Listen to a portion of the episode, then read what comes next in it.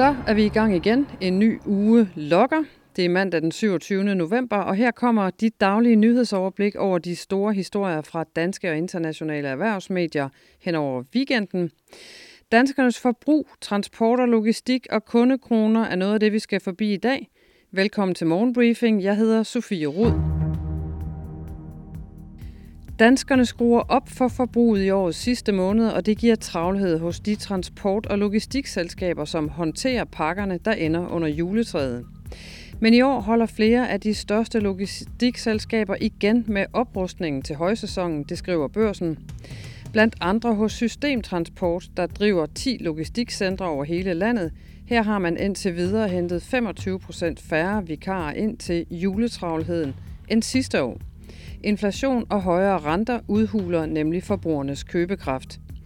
I konsulentfirmaet Deloitte er Majbrit Skov cheføkonom, og hun bekræfter tendensen fra transport- og logistikselskaberne. Hun siger til børsen, det kan godt være, at vi bruger de samme penge på gaver, men man kan ikke bare få det samme antal varer for de penge, og så er der færre produkter at flytte for transportfirmaerne. Derfor tror jeg, det bliver en lidt lunken højsæson for logistikfirmaerne, hvor salget er nogenlunde på samme niveau som sidste år, siger hun. Til en anden side af transportbranchen omkring 15.000 lastbilchauffører er fanget i en polsk blokade af grænsen til Ukraine, hvor frosten har bidt sig fast. Situationen er gået fra ondt til værre, efter at polske chauffører har parkeret trailer på tværs og nu aktivt afskærer adgangen til grænseposterne mellem de to lande. På hver side vokser de kilometerlange køer time for time. Ifølge Leif M. Pedersen, som er direktør for DFDS' østeuropæiske division, kører omkring 150 af de blokerede lastbiler med gods for den danske rædderikæmpe, og Leif M. Pedersen kalder forholdene for chaufførerne kritiske. Han fortæller, at en chauffør ansat hos en vognmand, der kørte gods for DFDS, i sidste weekend mistede livet, mens hans lastbil holdt stille ved grænsen til Polen. DFDS har endnu ikke overblik over, hvad dødsårsagen var, skriver børsen. Rygterne om en dyster Black Week for den danske detailbranche viste sig at være stærkt overdrevne. Tal fra Dansk Erhverv og MobilePay vidner om en handelsuge, hvor danskerne har vist sig ivrige efter at få fingre i gode tilbud. På selve Black Friday blev der omsat for 4% mere end sidste år. Fra mandag til fredag lå handlen 8% over niveauet i 2022. Tidligere på måneden kunne Børst beskrive, hvordan detailvirksomheder landet over har fyldte varelager, som samtidig også er blevet dyrere grundet rentestigninger. Udsalg og tilbudskamp har dermed været temaet for årets største handelsuge.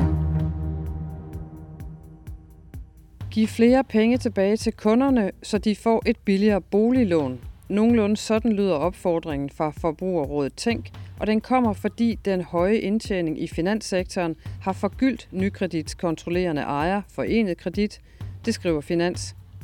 Forenet Kredit har nu flere milliarder i overskudskapital, som potentielt kunne sendes tilbage til kunderne, og der kommer 5 milliarder mere i kassen, når nykredit til foråret udbetaler udbytte af 2023-resultatet ifølge mediet. Både Forbrugerrådet Tænk og en bankekspert siger til Finans i dag, at man burde og kunne tænke mere på kunderne, men formanden for Forenet Kredit kan hverken love kunderne i Totalkredit lavere bidragssatser eller flere kundekroner. Vi skal ud af landet, hvor den tyske budgetkrise nu truer dansk brinteventyr. Danske ambitioner om storstilet eksport af grønt brint til Tyskland er nemlig pludselig kommet i farezonen. Det gælder samtidig også dansk eksport af teknologi til den såkaldte CCS, altså Carbon Capture, Capture and Storage. Det er det, der handler om indfangning og oplagring af CO2. Årsagen er en dyb budgetkrise i Tyskland. Den øh, tyske regering forsøger at inddæmme krisen og har fastfrosset alle budgetudgifter resten af året.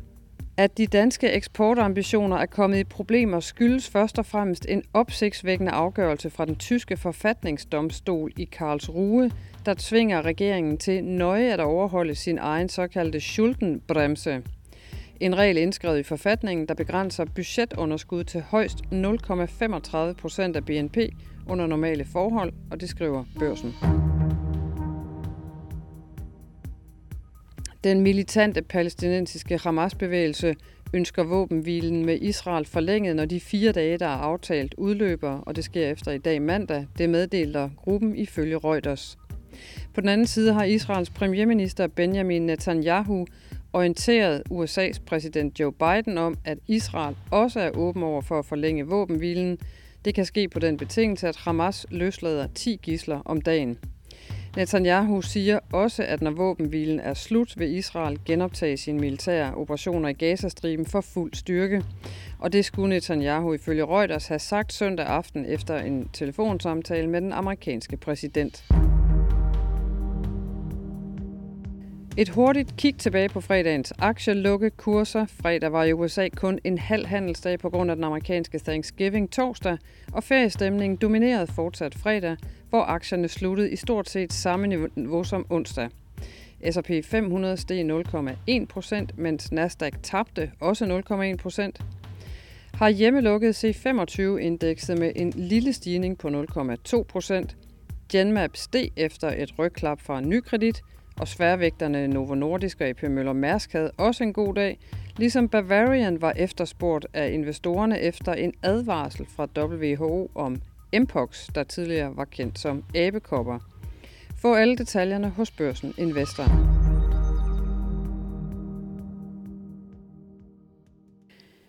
Det er blevet kaldt det største tech-drama siden Apple fyrede Steve Jobs tilbage i 1985. Balladen om fyringen og genansættelsen af OpenAI-stifter og CEO Sam Altman.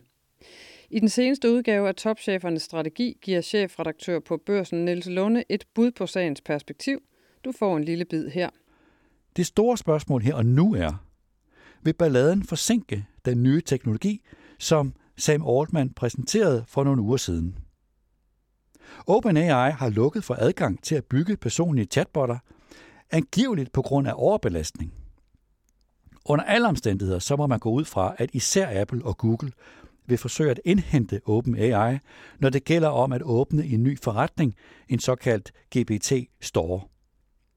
Hvis den slags kan blive fremtidens adgang til kunstig intelligens, så har Apple og Google ikke råd til at vente. Men forløbet er også vigtigt, fordi det sætter et kritisk lys på den magtfulde tech-verden. Og derfor er det store spørgsmål på længere sigt det her.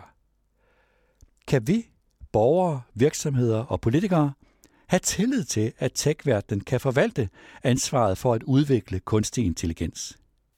Og det er jo et meget godt spørgsmål. Du kan finde resten af podcasten Topchefernes Strategi og måske få et svar samme sted, som du lytter til Morgenbriefing.